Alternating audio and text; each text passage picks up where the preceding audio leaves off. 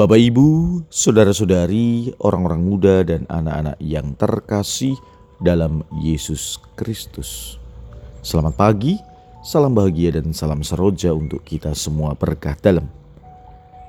Bersama dengan saya, Romantonius Garbito Pambuaci menyampaikan salam dan berkat Allah yang Maha Kuasa dalam nama Bapa dan Putra dan Roh Kudus. Amin. Hari ini Selasa 10 Januari dalam hari biasa pekan biasa pertama. Bacaan pertama dalam liturgi hari ini diambil dari surat kepada orang Ibrani bab 2 ayat 5 sampai dengan 12. Bacaan Injil diambil dari Injil Markus bab 1 ayat 21b sampai dengan 28.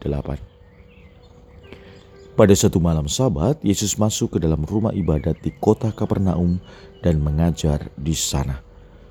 Orang-orang takjub mendengar pengajarannya sebab ia mengajar mereka sebagai orang yang berkuasa, tidak seperti ahli-ahli Taurat. Dalam rumah ibadat itu ada seorang yang kerasukan roh jahat. Orang itu berteriak, "Apa urusanmu dengan kami, hai Yesus, orang Nazaret? Engkau datang hendak membinasakan kami?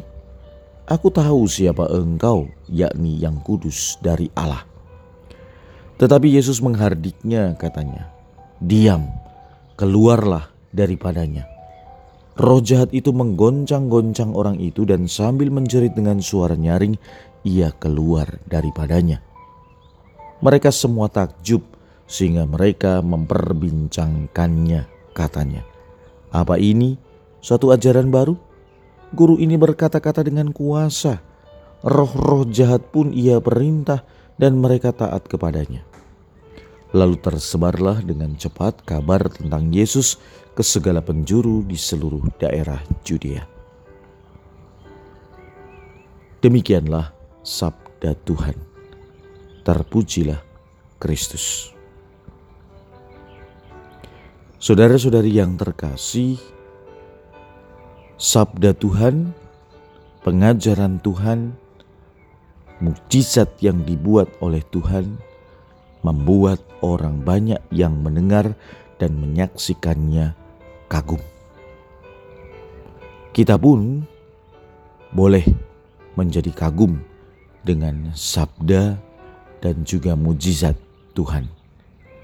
Tetapi hendaknya kita tidak boleh berhenti hanya pada kekaguman. Yesus mengendaki kita sampai pada maksud dan tujuan dari sabda itu. Kalau dalam Injil hari ini berarti hendaknya kita mengerti bahwa roh jahat itu tunduk dan taat kepada Tuhan, kita yang tidak lebih buruk dari roh-roh jahat, seyogyanya kita jauh lebih tunduk dan taat kepada sabda Tuhan.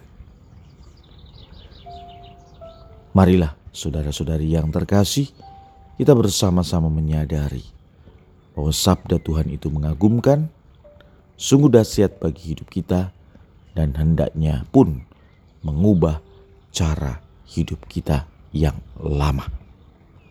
Marilah kita berdoa.